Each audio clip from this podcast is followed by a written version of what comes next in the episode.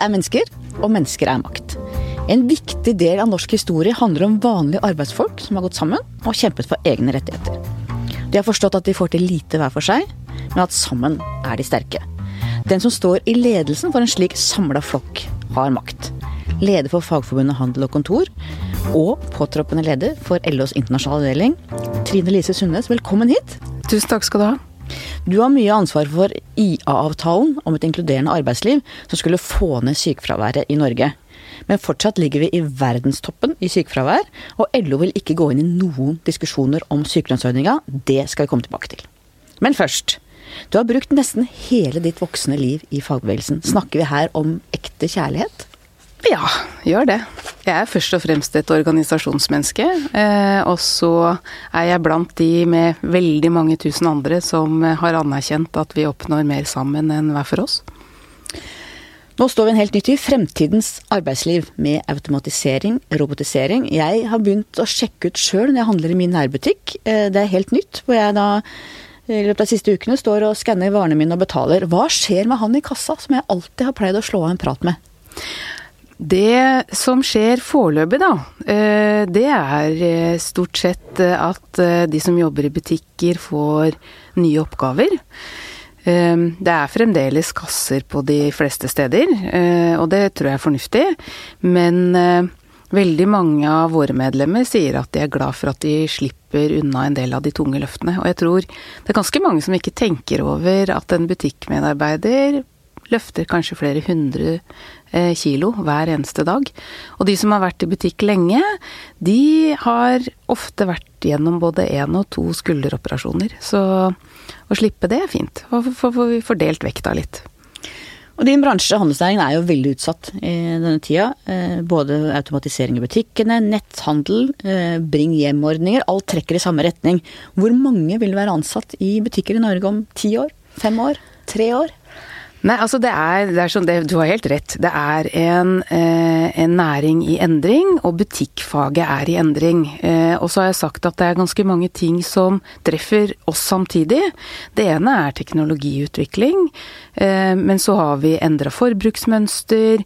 Det er en overetablering av butikker i Norge, det veit vi. Det som er viktig for oss, er at den omstillingen skjer i en takt som gjør at både arbeidsmarkedet kan eh, eh, tatt til seg den ledige arbeidskrafta som kommer til å komme. Vi veit av prognoser at om ti år så vil det antageligvis være 10 000, nei 30 000 færre eh, ansatte i varehandelen. Det er en svær næring. Eh, 380 000 mennesker.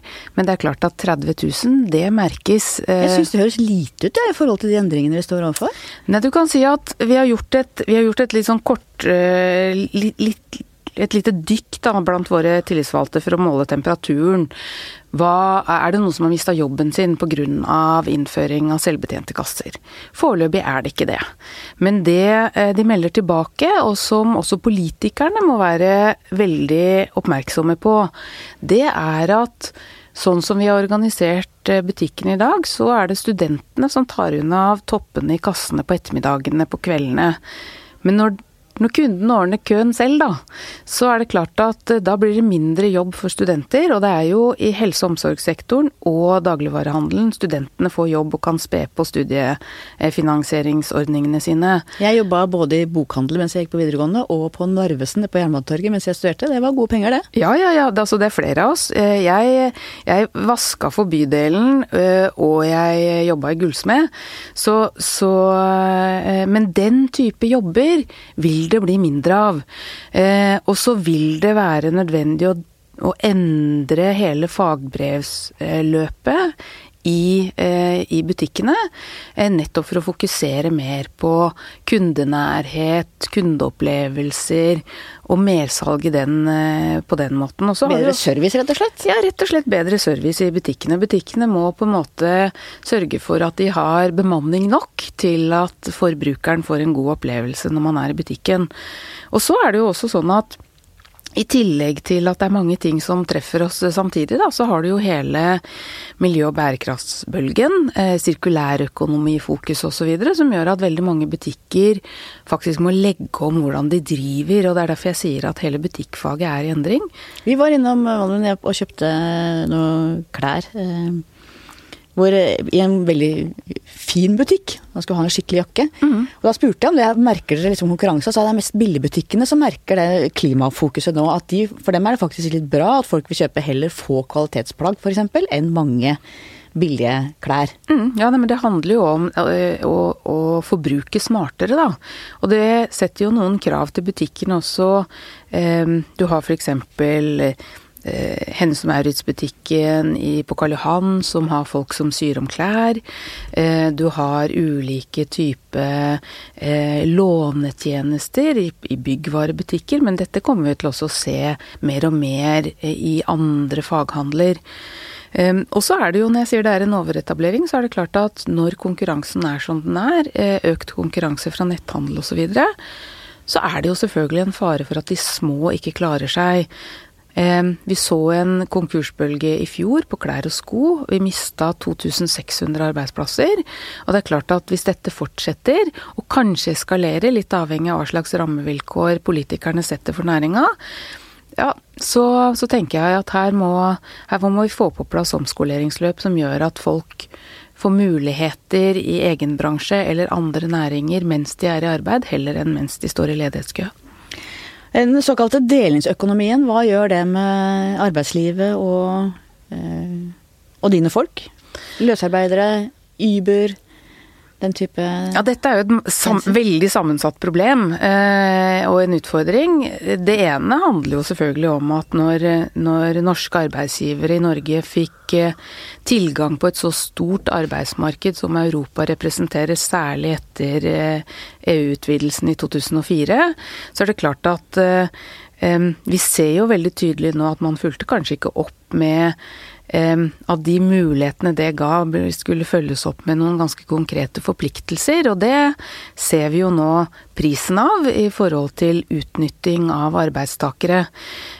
For fagbevegelsen så handler det om at eh, for oss så er, ikke, så er det ikke vesentlig hva slags pass du har når du, når du søker jobb, men vi har en forventning om at arbeid, alle arbeidstakere skal Eh, behandles med respekt og på en anstendig og skikkelig måte med de lønns- og arbeidsvilkår som vi har forhandla fram her hjemme på Bjerget, da, om du vil.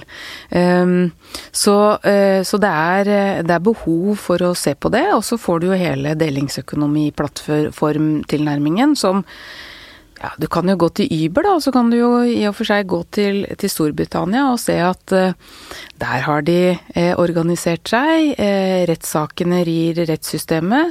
I Norge så har vi jo Rosastreiken som, som satte spor, hvor Fodora-syklistene jo organiserte seg i fagforbundene og drev gjennom en tariffavtale. og nå ser vi også ytterligere arbeidsgivere som prøver å sko seg på å opprette nok et syklistbasert matleveringstilbud. Nærmest for å unngå organiserte forhold. Men det selv om, selv om, det, selv om det tar nye former, så skal vi jo gå 100 år tilbake i tid, da. Det var ikke så innmari fett da heller, for å si det sånn. Så... Men det er en utfordring for dere å organisere folk i dette nye arbeidslivet? Det har alltid vært en, eh, en utfordring å organisere folk. Eh, vårt forbund, HK, eh, vokser. Vi, handel og kontor, altså? Ja. Handel og kontor har vokst siden jeg tok over som forbundsleder med 1000 netto i året. Og i år så ser det ut som vi har medlemsrekord. Så nå venter vi bare på hvordan tallene ser ut 31.12. Så, Så, så, så, det er mulig. Men det er klart at norsk fagbevegelse har jo tradisjon for å være sterk og gjennomorganisert, og den bølgen som på en måte har kommet via Europa ved at man Ved at eh, organisasjonsgraden går ned, tok det nok litt tid før norsk fagbevegelse tok inn over seg. Men meg bekjent nå så jobbes det ganske godt eh, i eget forbund, men også i veldig mange andre forbund med å få opp organisert igjen. Og så har vi heltids-deltidsproblematikken. Og frivillig versus ufrivillig. Det viser seg at ganske mange av de som jobber deltid, gjør det fordi de ønsker å jobbe deltid. Eh, de siste undersøkelsene vi har på det, eh, er nok, det er nok sånn at eh, den hoveddelen av de som jobber deltid, gjør det ufrivillig. Og det handler om strukturelle og kulturelle tilnærminger i næringa. Vi har vel så stort problem i handelsnæringa som man har i helse og omsorg. Og undersøkelsene viser at selv om det er noen som syns det er greit med, med deltidsansettelse, så er, er, det sånn at flertallet ønsker mer arbeid. Og så er det veldig forskjell på menn og kvinner, da. Også veldig, i din næring. Det er det. Eh, men eh, men vi hører jo ofte fra arbeidsgiversida at det er så vanskelig å få disse turnusene til å gå opp. Eh, jeg syns jo det er ganske merkelig, da, fordi faghandel som har akkurat de samme turnusene, så har man stort sett eh, valgt å organisere arbeidsplassen gjennom heltidsarbeid.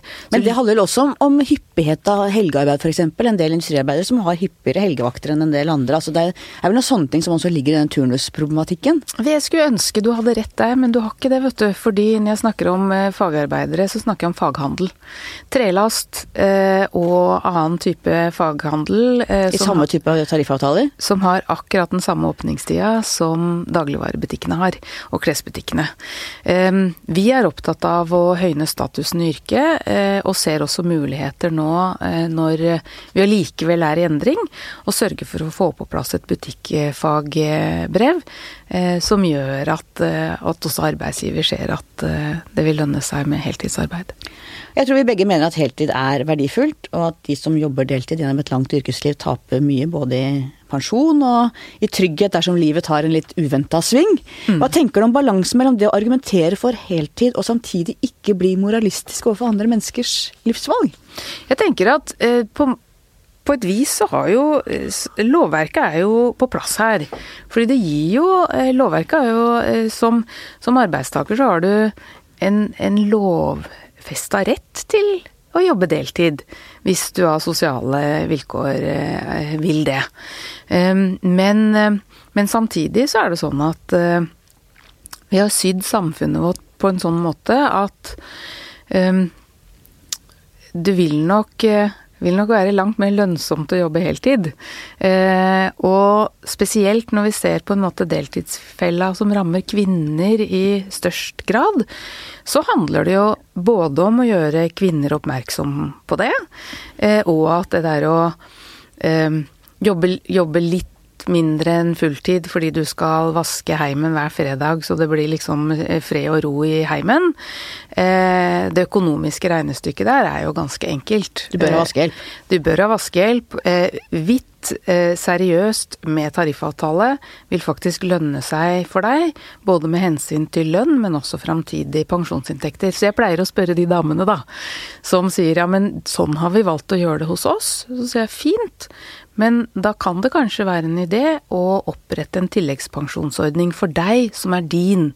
Sånn at eh, hvis dette en eller annen gang ut i løypa skjærer seg, som det gjør for over halvparten av oss, eh, så har man i hvert fall sørga for å sikre at du ikke straffes livet ut økonomisk for det. Er det mange damer som er for lite flinke til å tenke privatøkonomi? Jeg, jeg tror eh, Jeg tror at all forskning viser eh, dessverre at det er sånn, men jeg ser også en endring. Eh, og unge mennesker i dag, vi har jobba spesielt med pensjonsspørsmålet i forbundet vårt i noen år nå, rett og slett fordi innskuddspensjonen er altfor dårlig eh, og er et eh, det er mulig det er et godt produkt for arbeidsgiveren, men det er et særs dårlig produkt for, eh, for den enkelte ansatte.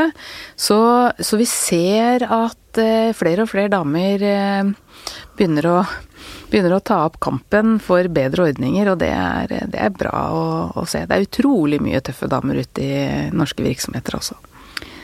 Tryggheten for den som ikke får fast jobb, f.eks. muligheten til å skaffe seg bolig, mm. er jo ikke der. Og du har vært opptatt av boligpolitikk lenge. Mm. Det har ikke blitt lett lettere for unge å komme inn på boligmarkedet de siste åra? Det er jo det er, det er krise. Eh, både, både, er det sånn at eh, det å være enslig og få seg en ny bolig som førstegangsetablerer er ekstremt vanskelig. Det kan du kanskje si det har vært veldig lenge, men kombinasjonen av for lav boligbygging og for høy leiepris på utleieboliger, og som jo henger sammen. Eh, når, det er, eh, når, det er, få eieboliger, eh, som vi jo tross alt har eh, lagt opp til i dette landet, da, så, så blir også prisene på leie høyt. Eh, og det er, det er, trist å se, og det er mange av våre medlemmer som sliter med å komme seg inn på boligmarkedet. Mange vil jo si at temaer som boligpolitikk ikke er noe for fagforeningene. Eh, men i Norge så har LO alltid jobbet langt bredere enn med rene arbeidslivsspørsmål. Og da kommer vi inn på det faglig-politiske samarbeidet mellom Arbeiderpartiet og LO. Fortell først lytterne hva det består i. Det faglig-politiske samarbeidet mellom eh, LO og Arbeiderpartiet har jo hatt mange former opp gjennom tida. Det handler jo om at eh, de har utgått fra en og samme organisasjon i realiteten. Det var eh, noen fagforeninger nede i Arendal som stifta Arbeiderpartiet i sin tid, etter det store krakket hvor veldig mange mista jobbene sine i Arendal fordi verftsindustrien eller skipsbygging har falt sammen. Og det var jo arbeidere som bodde i boliger eid av arbeidsgivere, eh, og eh, alle lån var knytta opp mot eh, det at man jobba, jobba, så alt falt i grus. Så de så behovet for å danne et politisk parti, rett og slett fordi det var ikke alt man kunne løse gjennom tariffavtaler. Noe eh, var opp til den lovgivende forsamlinga, bl.a. Eh, nivå på tilgangen til boliger, eh, tomtereguleringer osv. osv. Så, videre, så Så det var starten. Eh, når jeg sier at det har tatt, eh, hatt mange ulike former opp gjennom historien, så, så ville det f.eks. være sånn at det var en tid hvor AUF og LO hadde felles eh, ungdomssekretærer, f.eks. Eh, nå er det sånn at eh, Samarbeidskomiteen mellom LO og Arbeiderpartiet møtes sånn omtrent annenhver mandag. Jeg pleier å si at eh, det er ikke noe unaturlig at en så stor organisasjon som LO eh, har møter med det største politiske partiet på, på jevnlig basis. Det er ikke alltid det største lenger, da, eller? eller Nei, altså står i fare for ikke å være det lenger? Ja, ja, det, det, har du helt rett i. Eh, men, men eh, selve det formaliserte samarbeidet ligger jo der. Vi er også tydelige på at LO er en selvstendig, fri eh, hovedorganisasjon, på samme måte som, som Arbeiderpartiet gjør sine eh, vedtak i sine fora. Jeg pleier å si at eh, det er fint med samarbeidskomiteen, at man får drøfta gjennom en del problemstillinger som er viktige for LO og LOs forbund med landets største parti, men det er også sånn at Eh, folk flest må bli politisk aktive. Så jeg pleier å si til mine medlemmer at eh, gå inn i det politiske partiet som eh, du føler du ligger nærmest til ditt hjerte, og så tar du med vedtakene fra vårt landsmøte, fordi først og fremst er du arbeidstaker. og det er ikke sånn at partier liker å få ting nedenifra, nei, ovenifra og ned. Må faktisk gro nedenifra og opp. Hva er det beste og hva er det mest problematiske med det faglig-politiske samarbeidet i dag? Det beste eh, med det faglig-politiske samarbeidet mener jeg er at eh, at vi har eh, direkte tilgang eh, og eh, til, eh, til å diskutere problemstillinger som er viktige for oss med Arbeiderpartiet. Det mest utfordrende er jo selvfølgelig tilnærmingen som du ser innimellom da, når det blir lagt opp til sånn samrørediskusjon og bevilgninger på Kongressen osv. Eh, jeg pleier å si at eh, alle store organisasjoner bevilger penger til politiske partier. Eh, det gjør også f.eks. deler av varehandelen. Det står ikke på kaviartuben når du går inn på Rema 1000 at så og så mange øre av denne har gått til Høyre eller Frp f.eks.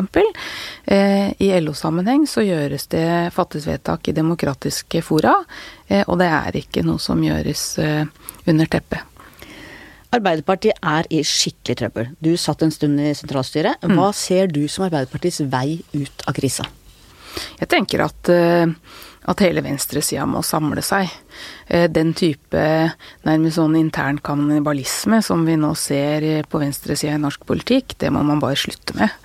Eh, og hvis, hvis, hvis, noen av de ulike partiene mener at eh, Marx har rett med at arbeidere bør forene seg, ja, så bør de ta det ad notam og, og sørge for å ikke krangle seg imellom om medlemmer og oppslutning, men faktisk også se den store utfordringa som ligger i, i høyrepolitikken og dagens regjering knytta til, til, til hvermannsen. Både velferdsstaten vår, når noen sier at uh, den står i fare på bakgrunn av innvandring og sånn, så sier jeg nei, den gjør ikke det. Uh, den verste fienden til dagens velferdsstat er faktisk den sittende regjering. Så du vil ha alle med på rød-grønn side? Ja, jeg mener at de faktisk eh, de må, de må faktisk sette seg ned sammen og, og, gjøre en rolleavklaring. De har alle styrker eh, som de kan reindyrke, og til sammen utgjør en veldig fin eh, kraft på venstresida av norsk politikk. Vil du ha med Rødt i, den, eh, i det samarbeidet? Altså, jeg er opptatt av at de nå forener krefter, og så tar jeg til etterretning at Rødt har uttalt at de ikke vil eh, sitte i regjering. Så Men eh, Støre har også sagt at de har en, eh, en, ikke helt demokratisk historie, som gjør at han ikke vil forholde seg til dem på den måten heller. Ja, men da er de veldig godt forlikt om det, da, tenker jeg. Men hva tenker du? hva tenker du om Rødt? Nei, altså de har, blitt, de, har blitt, sterkere og sterkere i LO-systemet og, og blitt, er ganske militante. Ja, du kan si, hvis jeg, hvis jeg, kan gå litt tilbake i tid, så eh, mine besteforeldre eh, var jo eh, eh, eh aktive tillitsvalgte eh, respektive, på respektive arbeidsplasser. Og min farfar var kommunist. Men han var alltid medlem av Arbeiderpartiet. Fordi han trodde at vi får til mest sammen enn hver for oss. Men da valgte han en demokratisk vei med sin sitt ideologiske ståsted. Arbeiderpartiet er i motsetning til Rødt er demokratiske. Ja da. Eh, nå lever ikke min farfar lenger, men han, han gjorde det til en, til en stor sak eh, og ære at han aldri hadde tatt i et Aftenposten i hele sitt liv. eh, det må leses i sin samtid, selvfølgelig. Ja. Eh, hvor mye betyr personene? Har Arbeiderpartiet i dag lederskikkelser som folk flest kan kjenne seg igjen i? Hvis vi, hvis vi eh, hører på, på uh, ulike røster ute, så er det ikke tvil om at Arbeiderpartiets ledelse har trøbbel. Um, så, så, er det også sånn at når du får den der store liksom industri eh, kampen, da, om du vil, eh, hvor man sier at, eh, at, at, man ikke identifiserer seg med personene eh, i dagens ledelse, så tenker jeg at eh, det er først og fremst ideologiene som er viktige. Det er først og fremst beslutningene på eh, på respektive landsmøter, så pleier jeg å si at i norsk privat eh, næringsliv da, så jobber jo folk flest i butikk, faktisk. Så da, Og de kjenner seg mer igjen, tenker du, eller? Nei, jeg tenker at, eh, at uh, industriarbeidsplasser er ekstremt viktig for på en måte AS Norge, bunnlinja, eh, hele på en måte synergieffektene knytta til, til olje- og gassindustrien, eh, prosessindustrien osv. Men Eh, men vi må ikke glemme at folk flest i privat næringsliv, de jobber i butikk. Så vi hører for mye på industrifolk, tenker du? De har en for stor stemme inn i forhold til Jeg tror de har en veldig viktig stemme, men det er Jeg mener at det er nok sånn at de har en tendens til å dominere rommet. Har det med kjønn å gjøre òg, tror du, eller? Ja, det kan hende det. Og det kan hende at vi er i en tid nå hvor eh, damene sier at det holder ikke lenger, og at det er kanskje noe av den brytningen vi ser. Det grønne skiftet, ja. det handler jo også om dette. Ja. Hvordan ser du for deg det? Nei, altså det er, det er veldig spennende. Vi har jo, som jeg, som jeg sa, vi eh, organiserer jo ganske bredt i privat næringsliv. Eh, også miljøvernorganisasjonene. så for oss så har vi jobba en del med, med, miljø og klima over lang tid. Vi har et eget utvalg bestående av eh, folk fra ulike bransjer og ulike nivåer tillitsvalgte. Um, I oppløpet til eh, forberedelsene til vårens vakreste eventyr, som noen kaller det, altså lønnsoppgjøret til våren, så har jo vi hatt medlemsundersøkelse ute. Hvilke krav skal vi stille i 2020? og det er gledelig, men også litt overraskende at over 70% av våre tillitsvalgte sier at klima og bærekraft må på dagsorden. Og det må finne sitt rom eh, i tariffavtalene. Og det er spennende. Akkurat, hvordan kan det skje? Nei, Akkurat nå så sitter vi og jobber da, eh, med å se på hvordan kan vi på en måte uteske handlingsrommet i tariffavtalene til å også få betydning for eh, det totale klimautslippet i Norge. Det er veldig spennende arbeid, altså. Når tror du at oljealderen går mot slutten, og mener du at vi må sette en sluttdato? Eh, no, ta det siste først. Jeg mener det er uklokt å sette en sluttdato. Det er jeg helt enig i. Ehm, eh, men det vi jo veit, er at vi kommer til å stå foran store omstillinger. Og så blir jo spørsmålet da hvordan sørger vi for å bruke den kompetansen som olje- og gassnæringa representerer i dag, med all synergieffekt over i ny, eh, nye næringer. Og så må vi nok, dessverre da, kan du si, eh, si at det er nok det er nok få næringer som kan tjene eh, norsk økonomi så godt som olje- og gassnæringa. Det må vi anerkjenne. Og når du ser på Internasjonale energibyrås framskrivning f.eks., som sier at verden vil trenge fossile bremsler langt fram i tid, og kull er jo det som fortsatt vokser, og som vi virkelig må bli kvitt. Og de sier jo at de håper at eh, Norge vil fortsette å utvinne olje så lenge det er behov for det, fordi at vår olje faktisk produseres mer rent enn mange andre steder, og etterlater seg også mindre CO2-avtrykk. Den norske oljedebatten, blir den for eh, enkel på et vis? Jeg tror, jeg tror, den kanskje er litt for eh, polarisert sånn som den er i dag. Ja. Fordi jeg tror de aller fleste erkjenner at vi er nødt til å eh, videreforedle den kompetansen som i dag finnes i norsk olje- og gassindustri. Men så er det klart at omstilling er vondt. Og det er klart at det er ikke Jeg, jeg skjønner veldig godt eh, Industri Energi, Frode Alfheims medlemmer, eh, som ikke liker denne debatten. Fordi en eller annen gang i framtida så, så, vil det være langt færre på norsk sokkel enn i dag. Spørsmålet er jo om det er fordi man liksom har lagt ned fordi at det, av liksom politiske hensyn, eller om det er fordi at man ser at behovet går ned. Altså Det er to ulike måter å se den utfasinga på. Jo, men jeg tror, jeg tror hvis du hvis du bare tenker utfasing eh, av liksom, naturlige årsaker, så gjør du næringa og de folka som jobber der, en bjørntjeneste. Fordi det er ting i tiden som tilsier at den utviklingen kan gå litt kjappere enn det vi hadde tenkt. Det handler jo om innovasjon. Eh, men jeg snakker ikke om naturlig fordi at den tar slutt, men det er naturlig fordi at andre ting tar Eller på en måte at det er Jo, men du er nødt til å tenke, tenke flere tanker samtidig. Eh, og vi kommer ikke kommer ikke bort fra at vi har elleve år på oss å halvere klimagassutslippene eh, globalt. Og vi må ta vår del av ansvaret for det. Og så er det sånn at hvis vi skal få til de store løftene, så må det skje gjennom de ulike næringene. Og det er også noe av grunnen til at vi ser at eh, tariffavtalene faktisk er et ganske godt verktøy for å få til noe som monner.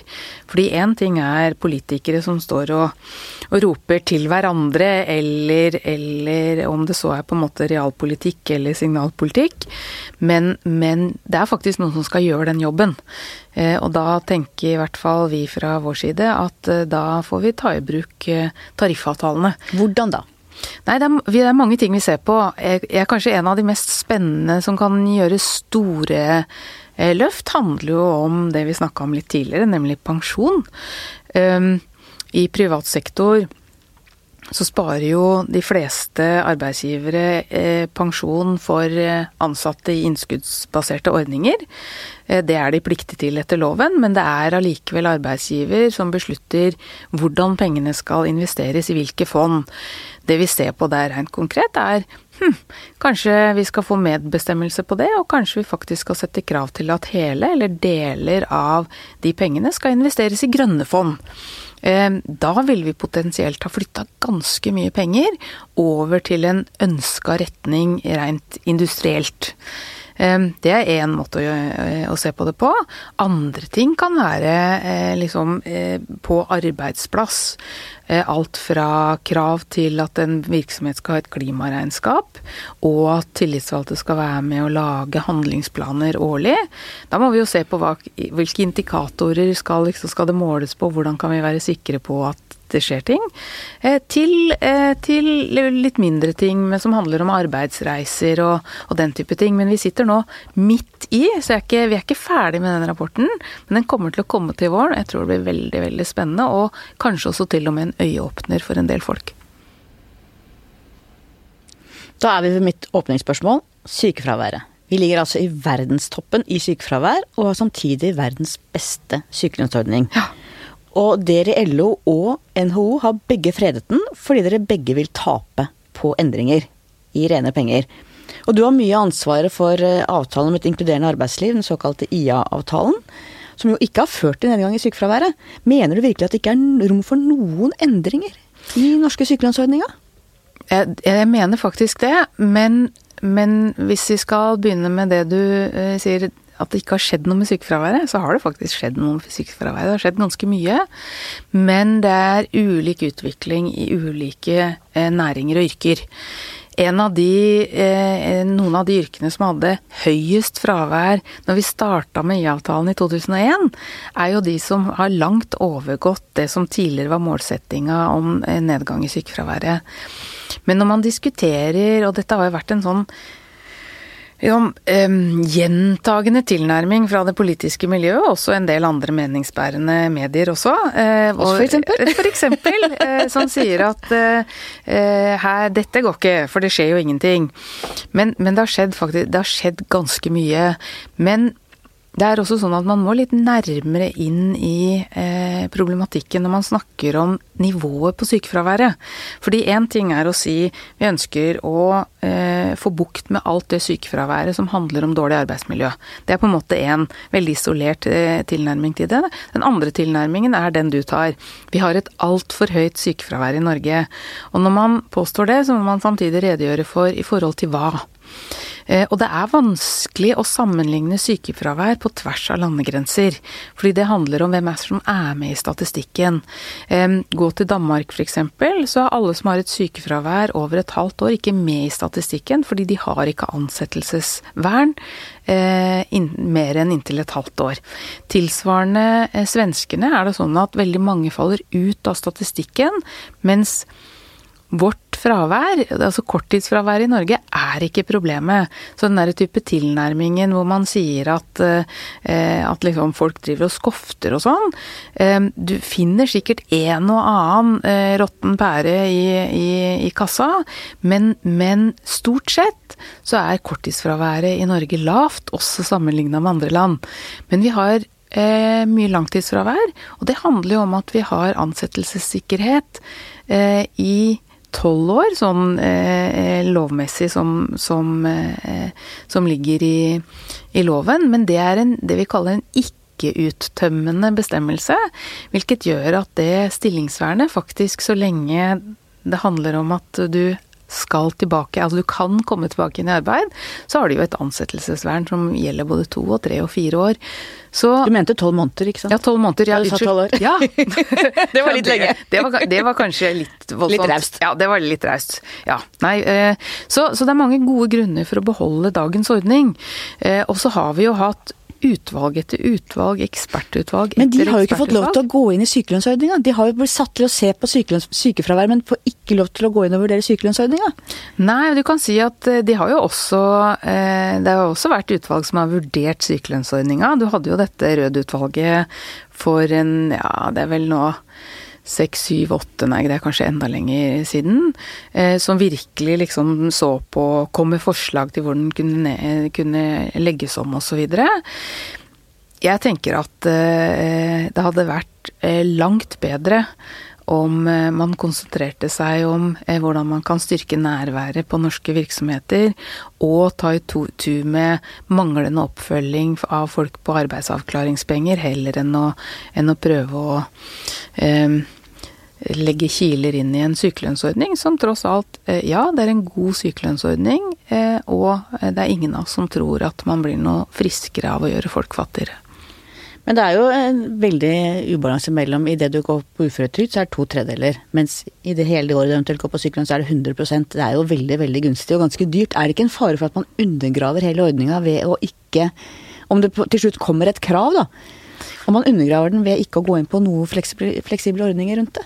Du kan si at det er aldri gunstig å være sjuk. Jeg har lyst til å bare Nei, det, si det. det kan vi være enige om. men, men eh, jeg tar gjerne til orde for å øke uføretrygden, jeg. Du tok ikke den veien, ja. Balansen i LO mellom offentlig og privat sektor.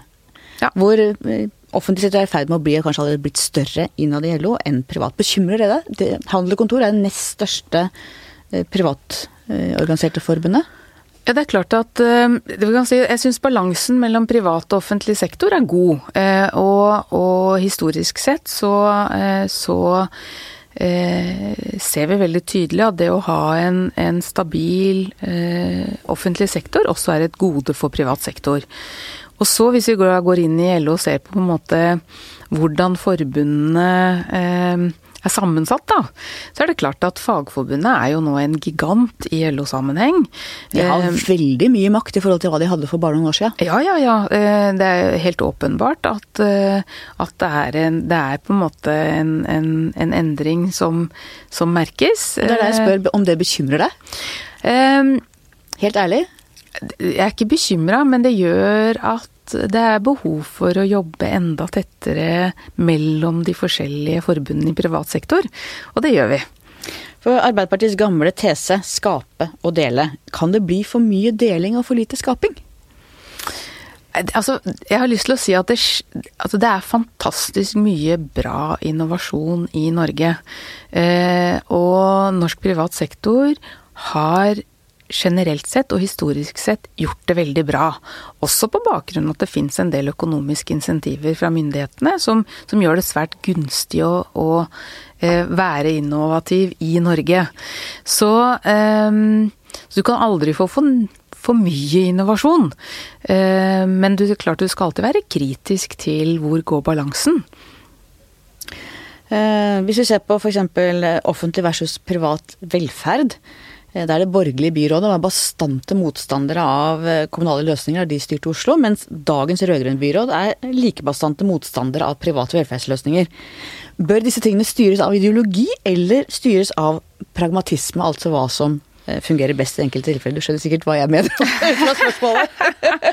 nei, altså jeg syns jo det er interessant at Frp i Oslo nå går ut og tar til orde for sentralisering Nei, tar til orde for å opprette kjøkken på, eh, på, på byens eh, eh, eldresenter og omsorgsboliger igjen.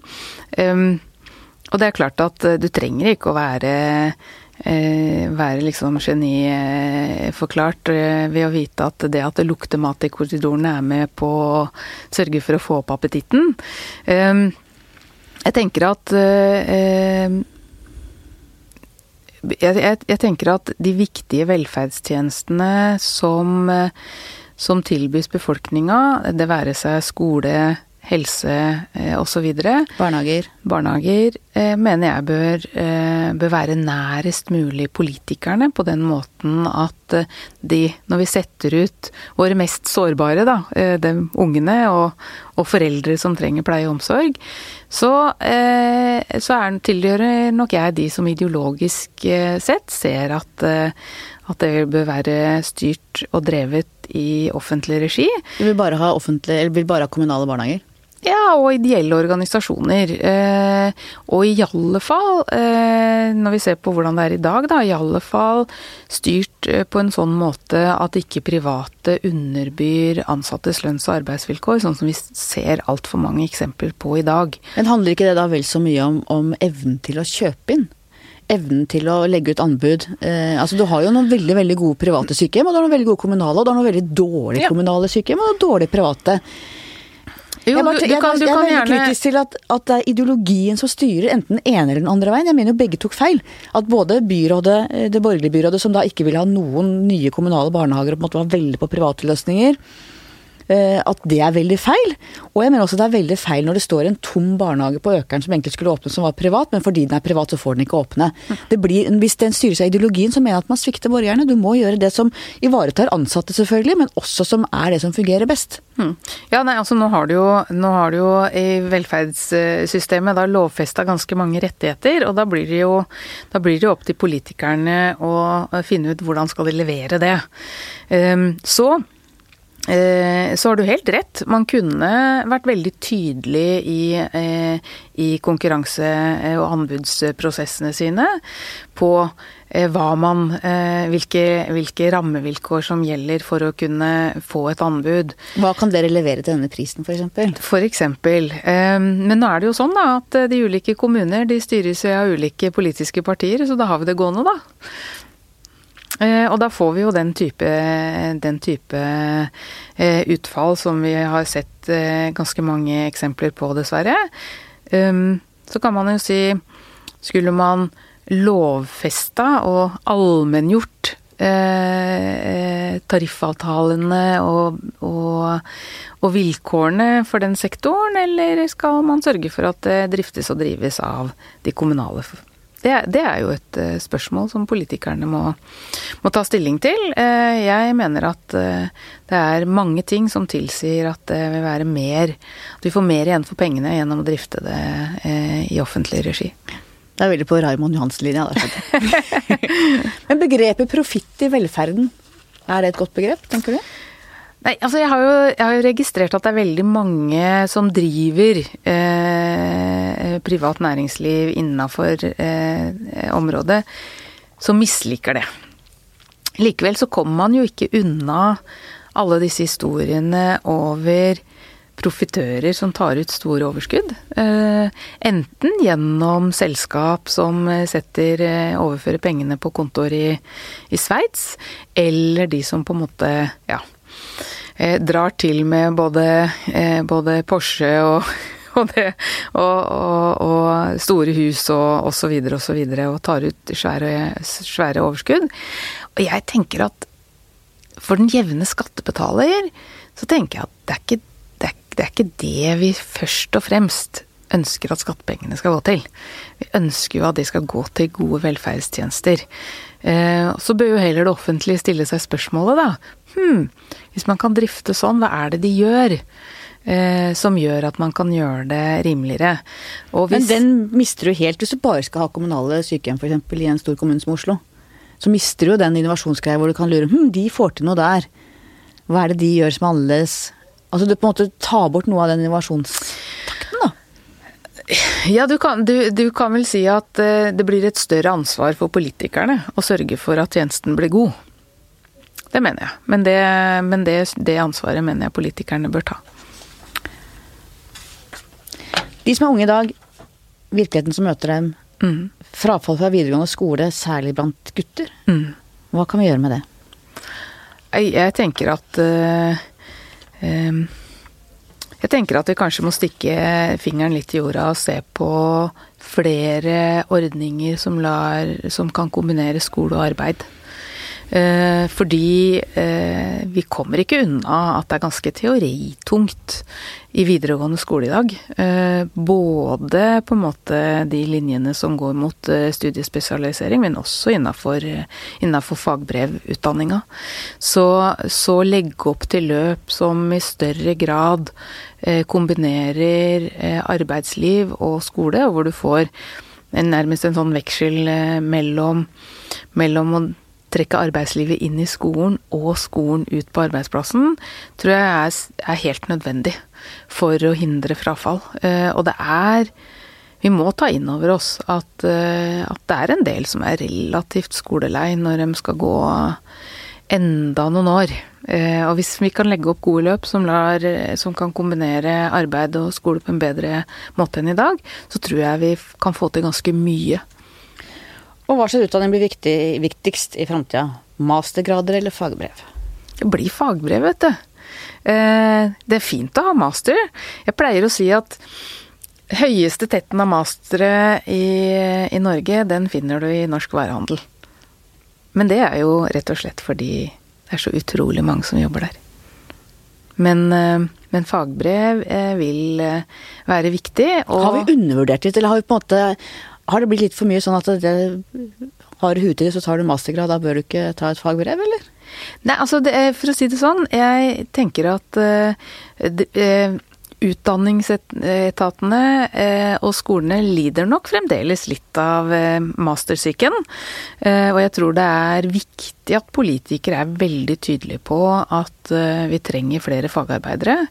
Um, så eh, så har vi jo sånne historier hvor, eh, hvor eh, heldigvis eh, ikke så ofte nå som før, eh, men jeg har jo medlemmer som har sagt at de har opplevd foreldre som f.eks. har kommet med litt grinete unger til kassa. Og sagt sånn Du skal hjem og gjøre leksene dine, for hvis ikke så ender du opp som henne. Huff a meg! Og jeg er eh, ganske imponert, for jeg hadde gått ut av mitt gode skinn hvis noen hadde sagt sånn.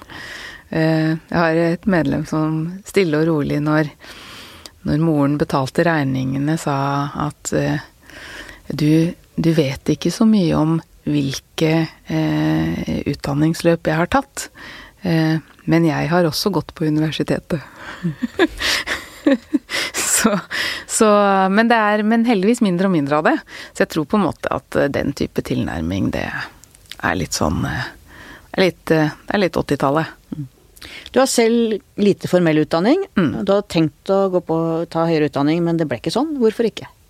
Nei, altså jeg jeg vokste opp eh, med mora mi og broren min, eh, og det var alltid dårlig råd hjemme.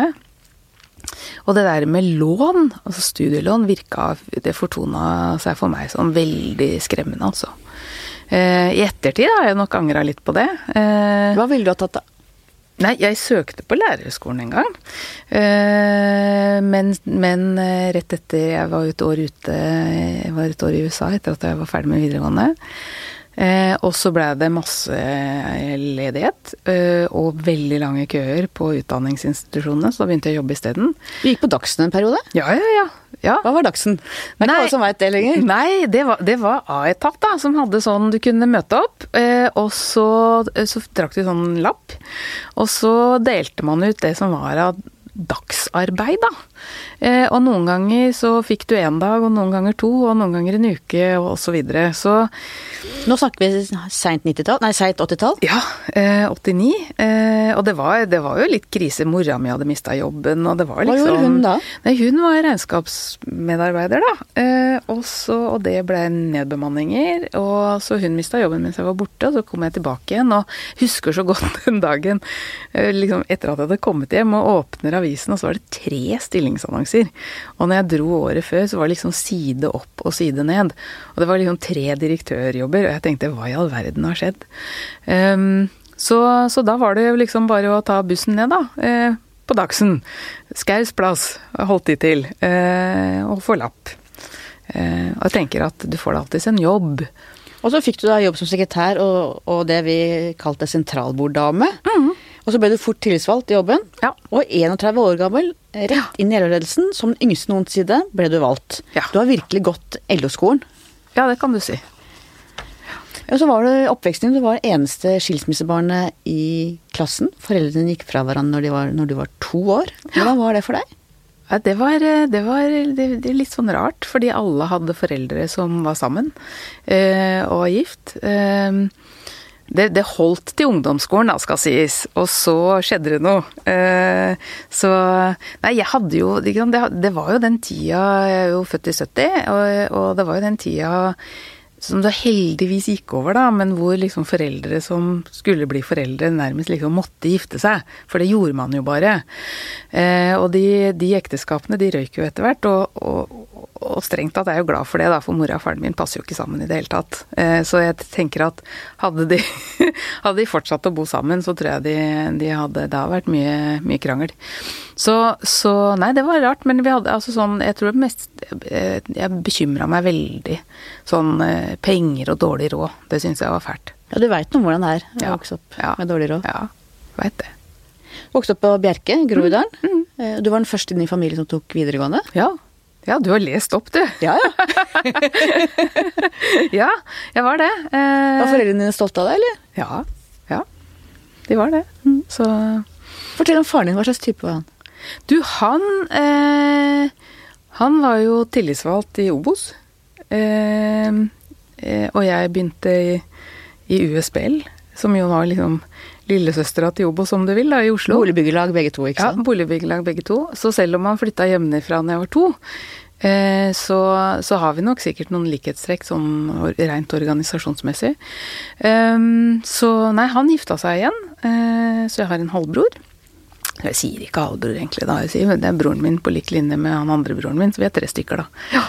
Så, Og moren din, hva slags type var hun?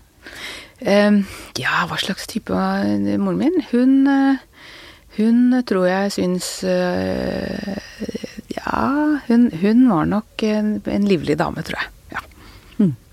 Hvem av dem ligner du mest på, tenker du?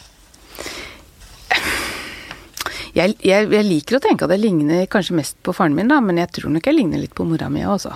Det pleier å være Det pleier å ha miksa seg, som de sier. Det er rart, det. ja. Groruddalen, der hvor du vokste opp, har endret seg veldig siden den gangen. Oslo har blitt en delt by på en annen måte enn før. Ved mange skoler er det nesten bare elever med minoritetsbakgrunn, mens i andre deler av byen så er det knapt noen. Og i begge tilfeller så vokser jo, vokser jo barn opp langt fra den mangfoldige virkeligheten som de skal møte seinere i livet. Hva tenker du om det? Jeg tenker at selv om folk sier at det er store forskjeller, eh, så er det egentlig ikke det, for de handler i bunn og grunn om det samme. Når jeg gikk på Jeg husker annet på barneskolen, så, og dette høres jo kanskje rart ut for lyttere som ikke liksom har vokst opp i Oslo, da. Men da husker jeg de var veldig opptatt av at vi liksom skulle gjøre noe med denne delte byen, da. Eh, og da, da, da var det vel det var Albert Nordengen som var, var, var styrende ordfører i Oslo.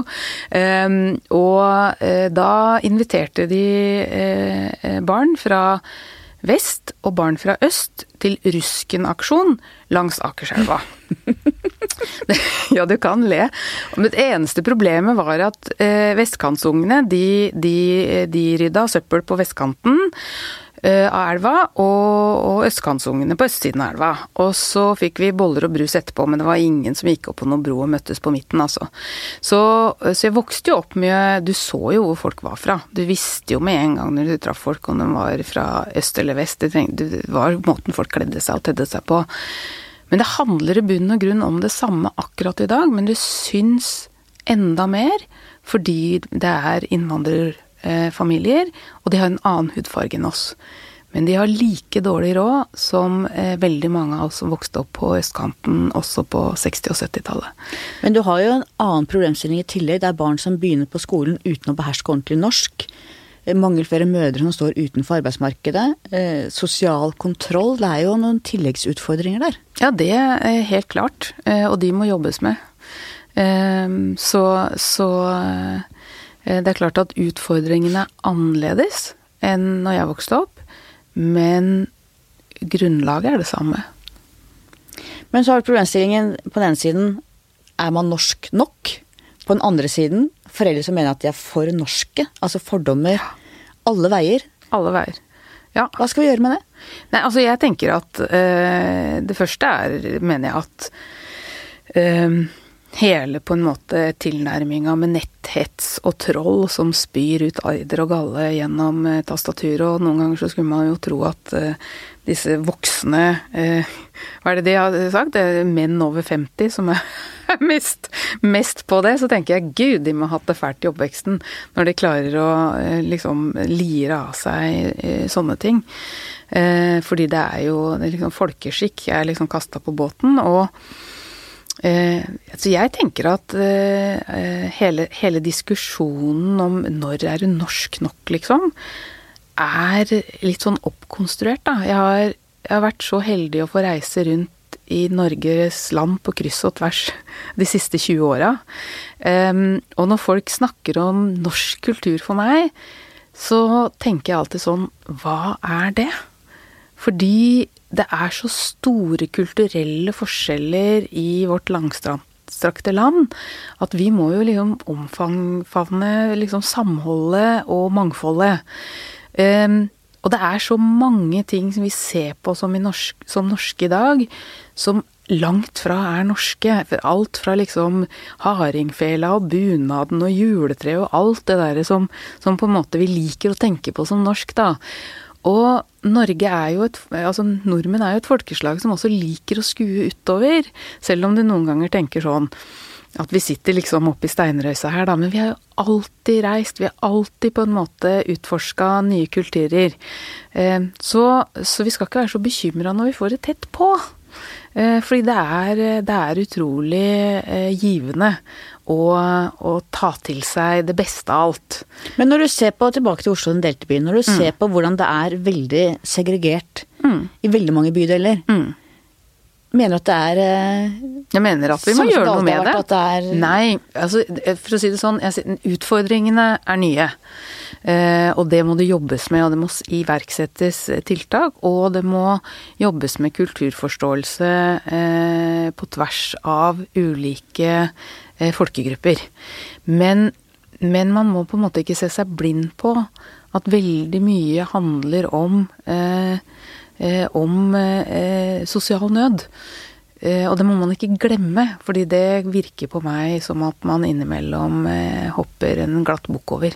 Men du har jo selv fortalt f.eks. For om mormoren din som pressa deg veldig til å bli konfirmert. For du ja. sier at det, det ja. og, og, den skammen hun følte hvis hun ikke mm. gjøre det, og sier at da skjønner hun noe mer også den mm. sosiale kontrollen i en del innvandrermiljøer. Mm. mm. F.eks. noe av det unge jenter står i.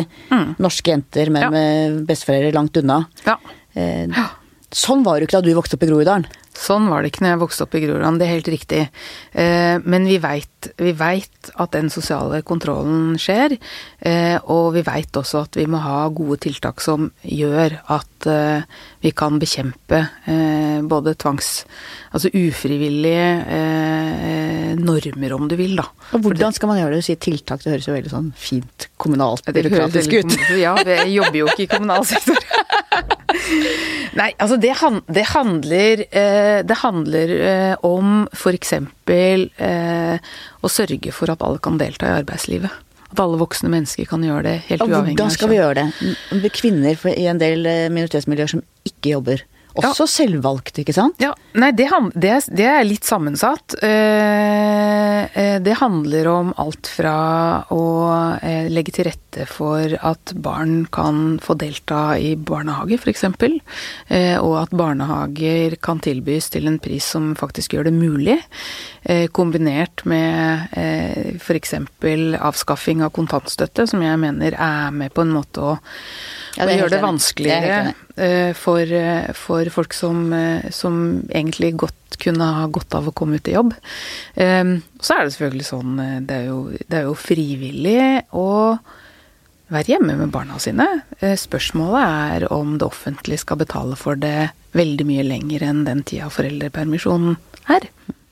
Økende ulikhet, en utfordring både nasjonalt og globalt. Mm. Ser du noen gode løsninger der? Um, jeg tenker at, eh, at garantien for at, eh, det, at, de økende forskjellene bremser opp, er rett og slett eh, eh, antallet organiserte og avtaletetthet, både i Norge, men også internasjonalt. Eh, vi har over tid nå sett en tendens til at det tas ut langt mer eh, gjennom aksjeutbytte enn det tas ut i lønnsoppgjørene. Og man kan selvfølgelig diskutere er vi for moderate? Er vi for eh, forsiktige? Burde vi liksom eh, Burde vi eh, ta ut mer? Eh, sånn at det blir en, en harmonisering mellom de som eh, eier verdiene, og de som skaper verdiene. Hva med skattesystemet, altså arveavgiften? VG har tatt til orde flere ganger for at den må innføres igjen. Hvis det er noe som skaper forskjeller, så er det jo mellom de som arver og ikke arver. Mm. Enten det gjelder store milliardformuer, eller det gjelder et hus. Mm hvor som helst i landet. Ja. Eh, boligskatt, eiendomsskatt, noe som eh, ingen politikere våger å gå inn i, men mm. som jo også vil ha en eh, omfordelende effekt. Ja, selvfølgelig. Altså Skattesystemet i seg sjøl er jo et av de beste omfordelende verktøyene vi har. Eh, og så ser vi jo dessverre da eh, at vi har hatt en utvikling hvor de som har aller mest fra før, også de siste årene med, med denne regjeringen, får mye mer. Og så er det, hvis vi tar da arve, eh, arveavgiften, eh, eiendomsskatt, så er det klart at eh, nå har de eh, kutta vel, eh, vel 25 milliarder kroner. Og det er jo en tragedie. Eh, fordi de er jo, pengene er jo tatt fra et sted.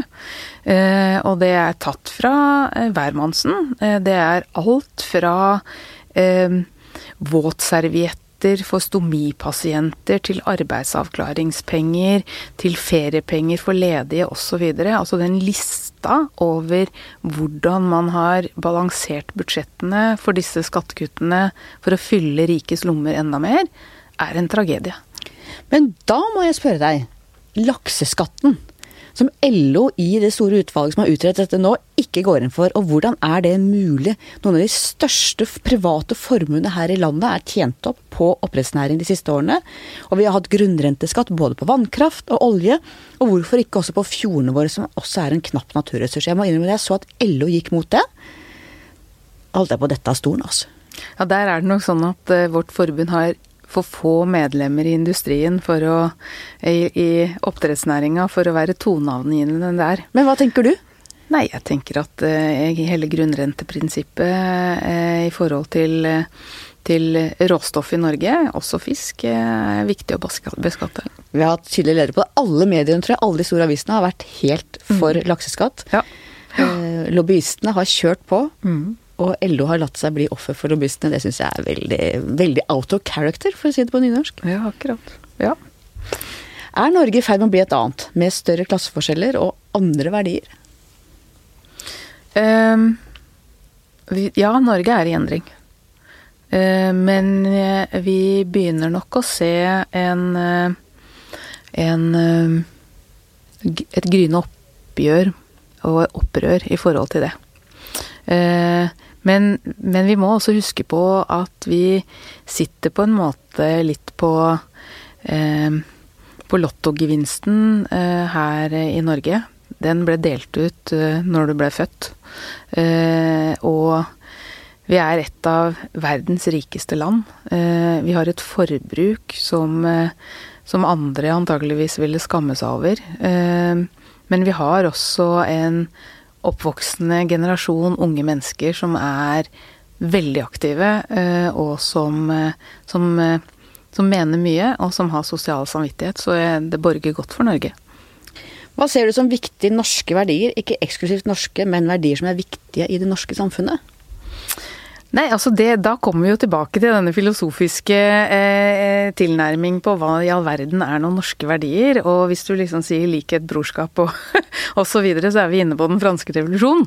Eh, så vi kan jo stille oss spørsmålet er de norske verdiene egentlig de europeiske verdiene. Men det var derfor jeg spurte eh, hvilke verdier som ikke eksklusivt norske, men som er viktige i det norske samfunnet. Jeg tror, jeg tror, eh, jeg tror likhets... Eh, det at vi du kan si likhetstilnærmingen. At det, det, tross alt, da, hvis vi sammenligner med en del andre land rundt oss, eh, at det, selv om vi nå har sittet her og snakka om økende forskjeller, eh, så er det i, i global sammenheng ganske nært fra hvermannsen til Flossvatn. Og hva tenker du om religionens plass i det norske samfunnet? Nei, nå tilhører jeg jo de som ikke ikke er medlem av Den norske kirke. Du tror ikke på Gud? Nei. Jeg tror på Aldri folk. trodd? Jeg har noe, altså sånn, som, som, veldig mange andre da, som eh, ble født i dette landet, så ble vi jo tvangsinnmeldt i sin tid. Eh, og jeg har stor respekt for eh, de som tror, enten det er på kristendommen eller andre religioner. Eh, men for meg så var det et så alvorlig spørsmål at jeg må liksom tenke meg godt om. Eh, er jeg religiøs. Eh, og jeg kom til den konklusjonen at nei, det er jeg ikke. Og da er det, da er det faktisk fair overfor Den norske kirke å si, vet du hva, fortsett med det dere gjør, men uten meg. Ja. Til slutt, hva skal bli historien om deg? Trine Lise Sundnes, det var hun som Nei, jeg tenker kanskje det var hun som sørga for å få miljø og klima inn i norske tariffavtaler. Det hadde vært fint. Det er en ganske interessant eh, eh, tanke. Ja, jeg tror den vil være bra. Takk for at du kom. Takk skal du ha. Takk til deg som hørte på. Takk til researcher Grete Ruud og til vår faste produsent Magne Antonsen. Vi høres igjen om litt.